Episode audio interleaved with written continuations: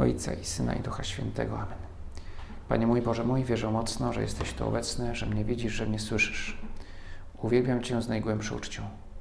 Proszę Ciebie o przebaczenie moich grzechów i łaskę owocnego przeżycia tego czasu modlitwy. Matko moja niepokalana, święty Józefie Ojcze i Panie mój, Aniele stróżu mój, stawcie się za mną. Minęła noc świętojańska, mamy, właściwie już się kończy, dzień uroczystość świętego Jana. E, zawsze myślałem, że to właśnie noc świętojańska jest najkrótszą nocą w roku. E, I, I, historycznie rzeczywiście tak było, to znaczy uroczystość świętego Jana Chrzciciela e, obchodzono, została ustanowiona na, na dzień 24 czerwca, który był przed wiekami najdłuższym dniem roku. E, natomiast to się zmieniło w ciągu wieków. To już astronomowie mogą wyjaśnić dlaczego. Ja nie wiem dlaczego. To znaczy, to chyba ma coś wspólnego z tym, że rok to nie jest dokładnie 365 dni, ale 365 dni i parę minut, i w ciągu tysięcy lat te parę minut, z tych paru minut zrobiło się kilka dni. E, historycy uważają, mm, że no, że ta, uroczystość świętego Jana Chrzciciela no, została tak podkreślona w liturgii, żeby wyprzeć i ustanowiona właśnie na ten dzień, żeby wyprzeć pogańskie kulty e, różnego rodzaju, bo, no bo to e, cykle Słońca i Księżyca, długość dnia, właśnie te w szczególności dzień przesilenia zimowego i letniego, no to jakiś aż prowokuje, żeby to odczytywać e, jako, e, jako jakiś symbol, e, który wyraża mm, istotę, istotę świata. No i nic dziwnego, że różne religie właśnie w, tym, w tych dniach przesilenia, przesilenia zimowego i przesilenia letniego mają e, jakieś, e, są to dni szczególnie ważne dla kultu. U Słowian to były jakieś kulty płodności, urodzaju, e, noc kupały, sobótka i tam jeszcze parę innych określeń. Tak, przyroda, przyroda do nas mówi. I jeżeli, jeżeli wierzymy tak jak wierzymy my, chrześcijanie, że, że świat jest stworzony przez Boga, to również to, jak ten świat, jak przyroda funkcjonuje, też do nas coś mówi. Znaczy, możemy z niej odczytać, wyczytać yy, prawdę o, że możemy, że, my, że możemy odnieść te, te zjawiska przyrodnicze, szczególnie te cykliczne, związane z, z rytmami gwiazd, planet, no, do rzeczywistości nadprzyrodzonej. E, tylko, że oczywiście my mamy do tego podejście, my chrześcijanie, e, z trochę większym dystansem, że to są po prostu tylko pewne symbole e, rzeczywistości nadprzyrodzonych, a nie, że samo w sobie to, że dzień jest najdłuższy czy najkrótszy, że samo w sobie ma jakieś znaczenie. Ale owszem, czemu Bóg nie miałby do nas mówić w ten sposób i mówić nam językiem symboli i wybrać datę swego przyjścia na świat właśnie na dzień przesilenia zimowego.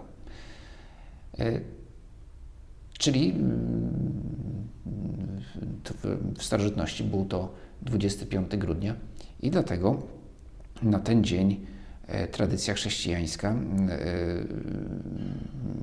ustanawia uroczystość Bożego Narodzenia, e, chociaż historycy nie mają pewności, czy rzeczywiście wtedy narodził się Pan Jezus, czy tam jest jeszcze wskazywana jakaś inna data. Ale dla mnie, a, a czemu nie miałby się właśnie narodzić tej nocy, która jest, była symboliczna, bo, bo to była najdłuższa noc i od tego momentu zaczyna się, dzień zaczyna, jasność zaczyna zwyciężać. No, to jest symbol tego, czego dokonuje Pan Jezus e, swoim życiem, swoją śmiercią i zmartwychwstaniem. Światłość zaczyna pokonywać ciemność. No mówię to o Bożym Narodzeniu z oczywistego powodu, bo, bo Narodzenie Świętego Jana jest obchodzone dokładnie pół roku mm, przed Bożym Narodzeniem, zgodnie z przekazem ewangelicznym i to już jest przekaz historyczny, dlatego na ten dzień właśnie 24 czerwca jest data mm, narodzin, y, znaczy są urodziny w liturgii, świętowane urodziny Jana Chrzciciela. E, tylko, że tutaj ktoś może powiedzieć, no to w takim razie mm, święty Jan miał trochę pecha, no bo co to za symbol, że wraz z jego narodzeniem noc zaczyna się wydłużać. to znaczy, przyszedł i zrobiło się ciemniej. przyszedł na świat i zrobiło się ciemniej. E, no właśnie, właśnie nie. To znaczy, ta, ten, e, znaczy tak to można by interpretować, ale byłaby to idiotyczna interpretacja, zupełnie niezgodna e, z tym, czym życie świętego Jana Chrzciciela było.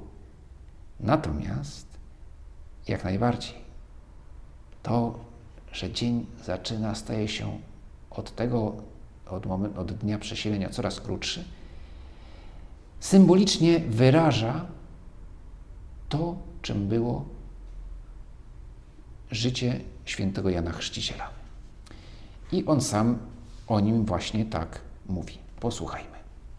Powstał spór między uczniami Jana a pewnym Żydem w sprawie oczyszczenia.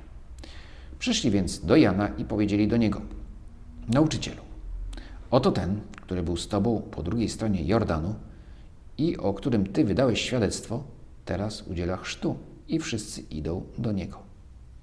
Na to Jan odrzekł: Człowiek nie może otrzymać niczego, co by mu nie było dane z nieba. Wy sami jesteście mi świadkami, że powiedziałem: Ja nie jestem Mesjaszem, ale zostałem przed nim posłany. Ten, kto ma oblubienicę, jest oblubieńcem, a przyjaciel oblubieńca, który stoi i słucha go, doznaje najwyższej radości na głos oblubieńca. Ta zaś moja radość doszła do szczytu. Potrzeba, by on wzrastał, a ja się umniejszał. Ten obraz oblubieńca i oblubienicy, czyli męża i żony, mówiąc dzisiejszym językiem, jest w Piśmie Świętym wielokrotnie ukazywany jako, jako symbol relacji, metaforę relacji Boga do ludzkości.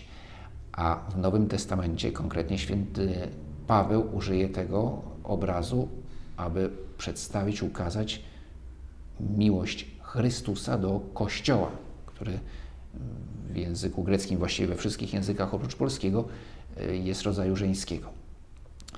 E, więc tutaj można powiedzieć, święty Jan Chrzciciel jakby świadkiem powstania tego, tego powstania związku miłości, czy, czy też przypieczętowania związku miłości między Bogiem a ludzkością, który, którego owocem jest to, co, czym jest Kościół jako, jako właśnie oblubienica Jezusa Chrystusa. A święty Jan jest tutaj pokornym świadkiem i równocześnie przyjacielem oblubieńca, cieszy się z tego, że, że z jego radości.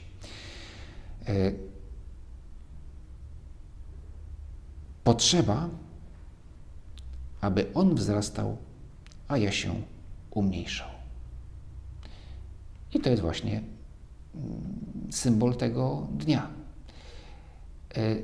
Do przyjścia Pana Jezusa, albo raczej do momentu, kiedy Pan Jezus rozpoczyna swoją działalność publiczną, świeci Jan, aby oświetlić drogę, którą ma pójść Pan Jezus. Ale kiedy On zaczyna iść, to święty Jan powolutku tą latarnię swoją przygasza jak w kinie, prawda? Jak się zaczyna. Szczerze mówiąc, już bardzo dawno nie byłem w kinie, ale co najmniej jak chodziłem do kina, to było tak, że taki najprzyjemniejszy, najbardziej radosny moment. I to bez względu na to, jaki był film. Jeśli był kiepski, to i tak ten moment był radosny, mianowicie kiedy zaczynały gasnąć światła. Powolutku, powolutku, powolutku. I równocześnie już na ekranie, już na ekranie pojawiała się, pojawił się obraz, ale on w świetle był mdły więc te światła musiały zgasnąć. Ale żeby był efekt taki właśnie oczekiwania, to światła gasły stopniowo. Nie wiem, czy dalej jest taki zwyczaj e, w kinach. E, sądzę, że tak, bo to jest bardzo fajne i myślę, że wszyscy to lubią. To jest właśnie ten moment radości, że zaraz zacznie się film i do tego muszą zgasnąć światła, ale żebyśmy weszli do sali, światła musiały być zapalone. Te światła miały sens, ale już go nie mają i dlatego powolutku gasną. I to jest właśnie e, życie i misja świętego Jana. Jego radość jest u szczytu. Kiedy właśnie Pan Jezus wchodzi i on, Jan, może już zacząć się wycofywać. I nie chodzi o to, że ma ulgę, odczuwa ulgę, no wreszcie się skończyła moja robota, idę na zasłużoną emeryturę, tylko, że się cieszy, że stało się to, do czego on siebie i innych przygotowywał. W związku z tym teraz już nie chce przeszkadzać. I jeszcze jego misja trwa. Jeszcze będzie na przykład mm, będzie wysyłał swych uczniów do Pana Jezusa, aby przystąpili, przyłączyli się do Niego. Jeszcze męczeńską śmiercią da świadectwo wierności Bogu, ale główna część jego misji jest już zakończona. I właściwie trudno powiedzieć, że się wycofuje. Po prostu ustęp, raczej ustępuje miejsca Panu Jezusowi, a równocześnie przy nim trwa. Y, jest taki piękny obraz Repina. Y, Puszkin w carskim, w carskim, sio, y, carskie w carskim siole. Tam było w czasach XIX wieku bardzo mm, chyba najważniejsza, najważniejsze liceum w Rosji i tam Puszkin mm, jest, jest pokazana scena egzaminu końcowego, promocji do następnej klasy i trzeba tam było jakąś deklamację, jakiś wiersz przedstawić, no i Puszkin przedstawia swój. No i oczywiście wszyscy są zachwyceni, jak ten jeszcze licealista, jak pięknie potrafi, no, jaki ma talent, jak dobrze umie go wykorzystać.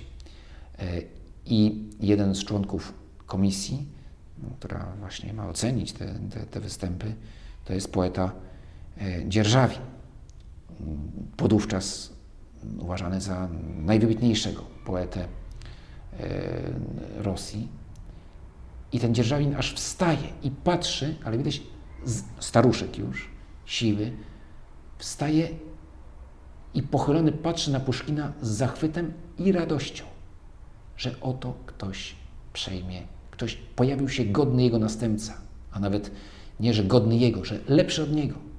I dzierżawin się cieszy, e, że,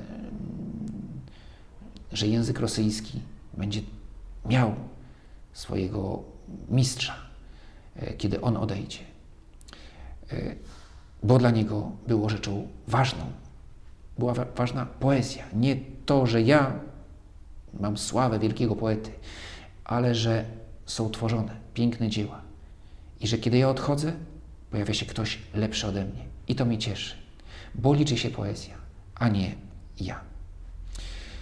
Y, szukając jakichś przykładów już bardziej związanych z, z tym, co, czy bliższych mm, Janowi Chrzcicielowi, święci, którzy czuli się narzędziami Boga, aby przekazywać Jego miłość, Jego łaskę, przekazywać charyzmaty, które Bóg daje Kościołowi święty Josemaryja przy jakiejś okazji na spotkaniu tam z, z, z ludźmi e, jakiś, no jakaś katecheza, jakaś pani w emocjach mówi, o bardzo dziękujemy ojcu, że tak pięknie pisze, tak pięknie mówi, no, cało tam wygłasza jakąś, jakąś mowę pochwalną, co oczywiście mocno jakoś speszyło świętego. E, I on będzie ucina tą, tą, tą wielką, e, tą, tą mowę pochwalną i mówi, kiedy dostajesz, kiedy pani dostaje list, list to co robi z kopertą? No, otwiera kopertę, wyjmuje list, czyta lista, kopertę wyrzuca. Koperta jest ważna do momentu, kiedy list trafi do ręki adresata. Potem już nie. Ja wiem, że ten przykład z listem już jest coraz bardziej archaiczny, że już to jest niemal jak w czasach Puszkina, prawda, że to listy, znaczy jeszcze dostajemy listy urzędowe, ale to akurat to już kompletnie nas ani koperta, ale też i zawartość też nie zawsze mamy ochotę ją czytać, ale, ale czy też jakieś reklamowe, natomiast no, jeżeli dostajemy jeszcze, się to zdarza czasami list od taki osobisty, od kogoś bliskiego, no to, no to najpierw nas cieszy to, to, to, to, to widok tej zaadresowanej ręcznie koperty, no ale ważniejsze jest to, co w środku. Kopertę wyrzucamy. Święta Bernardetta e, po, po objawieniach w Lourdes została zakonnicą e, i, i żyła bardzo no, zgodnie ze swoim właśnie z tym powołaniem zakonnym, pokornie, cicho, nie, nie, nie brylując tam na salonach i opowiadając, jakie to miała wspaniałe objawienia. E, a kiedy przy jakiejś okazji ktoś jednak zapytał o to, y, jakiś pisarz chyba, który chciał właśnie pisał o tych, o, o tych objawieniach, no powiedział, no ale jaka jest jej w tej chwili jej rola? Na co ona mówi, no cóż, kiedy trzeba posprzątać pokój, się bierze miotłę i się zamiata. Skończyło się zamiatać, to miotło się odstawia do, do kąta, tam gdzie jest normalnie jej miejsce. Moja rola, moja misja została wypełniona, jestem szczęśliwa tu, gdzie jestem. Już yy, nie potrzebuję więcej. Yy. U świętego Jana to był konkretny moment, kiedy zaczyna się odsuwać w cień, ale, ale właściwie całe nasze życie to jest albo chcielibyśmy, aby było, radością, że Pan Jezus coraz bardziej w moim życiu lśni. W moim czy w życiu tych, którzy są mi bliscy. A ja wycofuję się po to, żeby Jego było widać lepiej. Nie uciekam, nie rezygnuję, tylko odsuwam, może nawet nie to, że się wycofuję, tylko odsuwam się, żeby to On lśnił. Y, skupiam się na dobru, które realizuję, a nie na sobie. To przy różnych dobrych przedsięwzięciach i to nawet takich codziennych. No, wielka święty Jan miał konkretną misję, którą wypełnił, która obejmowała całe jego życie, no ale zdarza się, że w ciągu dnia no, zrobiłem coś dobrego, jedną rzecz w pracy na przykład, czy, czy w innych okolicznościach, udało mi się zrobić coś dobrego i no i właśnie mogę kontemplować siebie, jaki byłem wspaniały, a mogę kontemplować, to znaczy ucieszyć się z dobra, które udało mi się zdziałać. I jaka jest moja reakcja? Dziękuję Panu Bogu. I cieszę się z Nim, bo wszystko, co dobre od Niego pochodzi. I cieszę się również z tego, że miałem w tym udział. Ale nie skupiam się na sobie, ale na tym dobru. To jest powód do radości. To dobro, które się spełniło. Pięknie to widać u nauczycieli, teraz jest właśnie koniec roku i, i, i, i pewni ci nauczyciele, którzy naprawdę rozumieją, czym, czym jest misja nauczyciela, cieszą się sukcesami uczniów. Cieszą się, bo to jest część ich życia, ale nie dlatego, że uważają uczniów za swoją własność. Właśnie wręcz przeciwnie. Nie chcą, żeby oni byli ich własnością. E, bo, bo właśnie o to chodzi, że, że, że mają iść w świat wolni. A rolą nauczyciela było przygotować ich na tą drogę. Nauczyciela, rodzi, nauczyciela rodziców, innych wychowawców.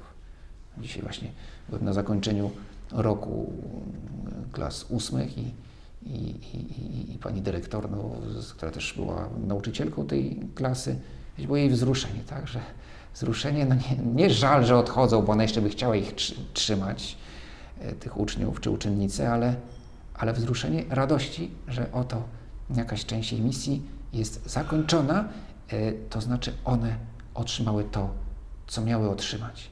I to jest radość nauczyciela. E, niezależnie od tego, jaka jest moja misja, czy chodzi o tą moją misję życiową, która właśnie trwa do końca. Tak? No, to nie jest, że tak jak u Jana, u Jana nie skończyło, że nie to, że on przestał robić cokolwiek. Tak? Zakończył się jakiś etap.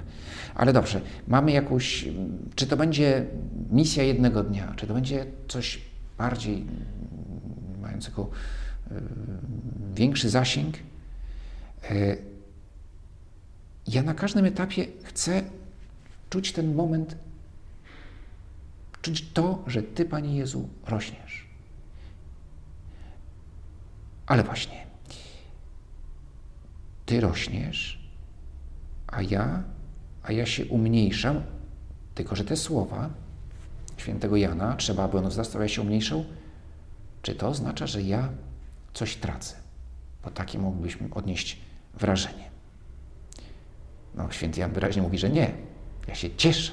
Skoro się cieszę, to nie znaczy, że trudno się cieszyć, że się coś straciło, coś dobrego. To znaczy, że Jan widzi, że dobro, jego dobro nie tylko nie uległo jakiemuś z, zmniejszeniu, ale, ale zostało pomnożone. Czy wiara, zaangażowanie coś mi zabiera? Czy posłuszeństwo Bogu zabiera mi wolność? Czy naśladowanie Pana Jezusa oznacza, że tracę swoją osobowość? Naśladuję Go, utożsamiam się z Jezusem, czyżbym tracił swoją oso osobowość? Na pewno nie.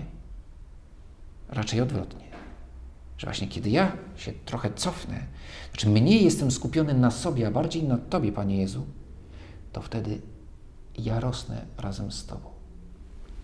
A jeśli odwrotnie próbuję przesłonić Ciebie sobą, no to wówczas karleję. Yy, mogę na krótko zaćmić, ale to będzie właśnie jak zaćmienie słońca. Co powoduje zaćmienie słońca? Księżyc. Czym jest księżyc w porównaniu ze słońcem? Okruchem. Jakimś kawałkiem skały, które przez chwilę rzuca cień na tarczę słoneczną co ludzi wprowadza, wprowadzało kiedyś, gdy nie, nie, nie, nie, rozumieli natury tego zjawiska, w przerażenie. Natomiast no, jest chwilowym zjawiskiem i, yy, i księżyc nie może zasłonić słońca, bo jest, bo jest pyłem w porównaniu ze słońcem. Ja Ciebie, Panie Jezu, nie chcę przesłaniać ani w mojej duszy, we mnie samym, bo przecież Ty już we mnie jesteś, we mnie żyjesz, tylko że ja, ja właśnie potrafię zasłonić Ciebie we mnie. No i tak często właśnie z powodu naszego egoizmu, który nas prowadzi do, do grzechów, zasłaniamy Pana Jezusa w nas, że inni nie widzą w nas Pana Jezusa. Albo mają może wykrzywione mniemanie o tym, co to znaczy być chrześcijaninem, bo, bo ja Ciebie, Panie Jezu, zasłaniam. Więc nie chcę Cię zasłaniać. Chcę być jak święty Jan. Święty Jan, który odsyła do Pana Jezusa swoich najlepszych uczniów. Ma wspaniałą szkołę, można powiedzieć. I co robi? Nie zamyka tej szkoły, bo ona jeszcze ma jakiś sens. Ona jeszcze, misja nie jest skończona, ale odsyła swoich najlepszych uczniów. Od, przekazuje Panu Jezusowi. Jakby świadomie obniża rangę swego dzieła. No właśnie, bo on nie uważa tego za swoje dzieło, tylko że jako część Bożego planu. W związku z tym ta część została zakończona ja się zaczynam wycofywać. E, Jan przejdzie jeszcze na koniec swego, swego życia próbę najmocniejszą, właśnie próbę pokory. Oto ten wielki prorok trafia do więzienia z powodu fanaberii, czy jakichś tak kompleksów yy, zepsutej, zdemoralizowanej żony bardzo kiepskiego, słabego E, króla e, i ostatecznie ginie z jego rąk, albo raczej z jej rąk, bo to, to jak pamiętacie, no to właśnie nałożnica, bo to nie, było jego, nie była żona Heroda, doprowadza do śmierci Jana Chrzciciela. No wydawało się, cóż za absurdalny koniec. No tymczasem, co za upokorzenie. I być może nawet przez chwilę Jan wątpił ogarnały go ciemności zwątpienia, będąc już w więzieniu, czy rzeczywiście on dobrą drogę wybrał? Czy rzeczywiście to była wola Boga? Wysyła uczniów do Pana, swoich uczniów do Pana Jezusa z pytaniem, czy to Ty jesteś, czy na kogo innego mamy czekać? Bo Jana w tym dramatycznym momencie ogarniają wątpliwości. Pan Jezus go uspokaja. Tak, to ja. Wypełniuje się, a nie swoją misję. Dobrze, być może oby, znaczy takie, tak ciężkich doświadczeń nie będziemy mieli, bo też Jan był, był kimś, kto, kto, takie doświadczenie mógł przejść zwycięsko. Może Bóg takich doświadczeń nam oszczędzi, albo nie jesteśmy na nie przygotowani i Bóg na, nas nimi nie będzie sprawdzał. Ale, ale chodzi o to, żebyśmy widzieli świętego Jana, który, który potrafi wycofać się i przyjąć to, że nie tylko, że sam się wycofał, ale zostaje zepchnięty, zamknięty, jego ktoś mu uniemożliwia dalsze działanie. Umniejszyć się, żeby zrobić miejsce dla niego, ale nie tylko na zewnątrz, może nawet przede wszystkim wewnątrz, w sobie samym. To zwyczajowo naszą modlitwę tutaj yy, zaczynamy od, od takiej formuły wstępnej. Wierzę mocno, że jesteś tu obecny. No to jest oczywiste. Nie ma sensu modlitwa, jeżeli nie czuję obecności Boga. No, modlitwa na tym polega, że, że, że staram się dotknąć, albo raczej pozwolić, aby Bóg mnie dotknął. Bóg, który jest obecny. Yy, ale w, tym, w tej modlitwie mówimy też, proszę Ciebie o przebaczenie moich grzechów. Zaczynam od aktu pokory, od stwierdzenia, jestem grzesznikiem. Nie tylko, że mi to nie umożliwi, nie jest przeszkodą, sam fakt, że jestem grzesznikiem, nie jest przeszkodą, żebym z Bogiem rozmawiał, ale jest niezbędne Jego uznanie, żebym zobaczył, jak jestem mały wobec Boga. I dopiero wtedy On zalśnie w pełni w mojej duszy, kiedy ja uznam swoją nędzę, swoje ograniczenia. Więc zaczynamy od aktu pokory. Po to, żeby napełnić się Nim, żeby On dał nam prawdziwą wielkość. Mogę uklęknąć. Przyklęknięcie jest aktem miłości, ale też aktem, y, takim gestem miłości i pokory. Y, oby była to pokora prawdziwa, to znaczy wynikająca z miłości, a nie jakiegoś służalczego uniżenia, w którym nie ma miłości. Chrześcijanin klęka przed Bogiem, którego kocha, żeby pokazać, jestem kim jestem, ale wiem, że Ty jesteś większy ode mnie. Napełnij mnie.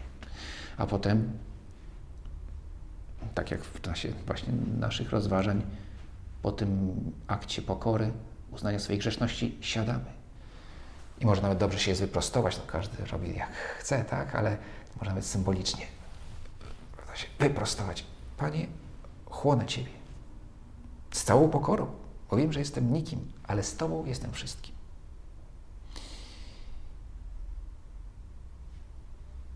To jest nasza modlitwa. Odsunąć się trochę, albo jak najbardziej się odsunąć, żeby Bóg w moim sercu działał. Robimy to na różne sposoby. Poprzez modlitwę ustną, poprzez rozważanie, wreszcie poprzez kontemplację. I to jest naj, najpełniejszy sposób. Czy, albo raczej jest to ten moment, kiedy, kiedy najbardziej Bóg czuje to, że Bóg wypełnia moje serce. No ale do tego jest e, długa droga. Więc potrzebujemy i, i, i, i, tej modlitwy ustnej, potrzebujemy skupienia, potrzebujemy, bardzo nam pomaga, patrzenie na przynajświętszy sakrament, na tą Bożą obecność pośród nas, która jest obecnością nie tylko duchową, ale też i fizyczną. Poprzez rozważanie, ale ostatecznie chodzi o to, żeby Bóg w moim sercu, żebym zrobił Panu Bogu w moim sercu miejsce.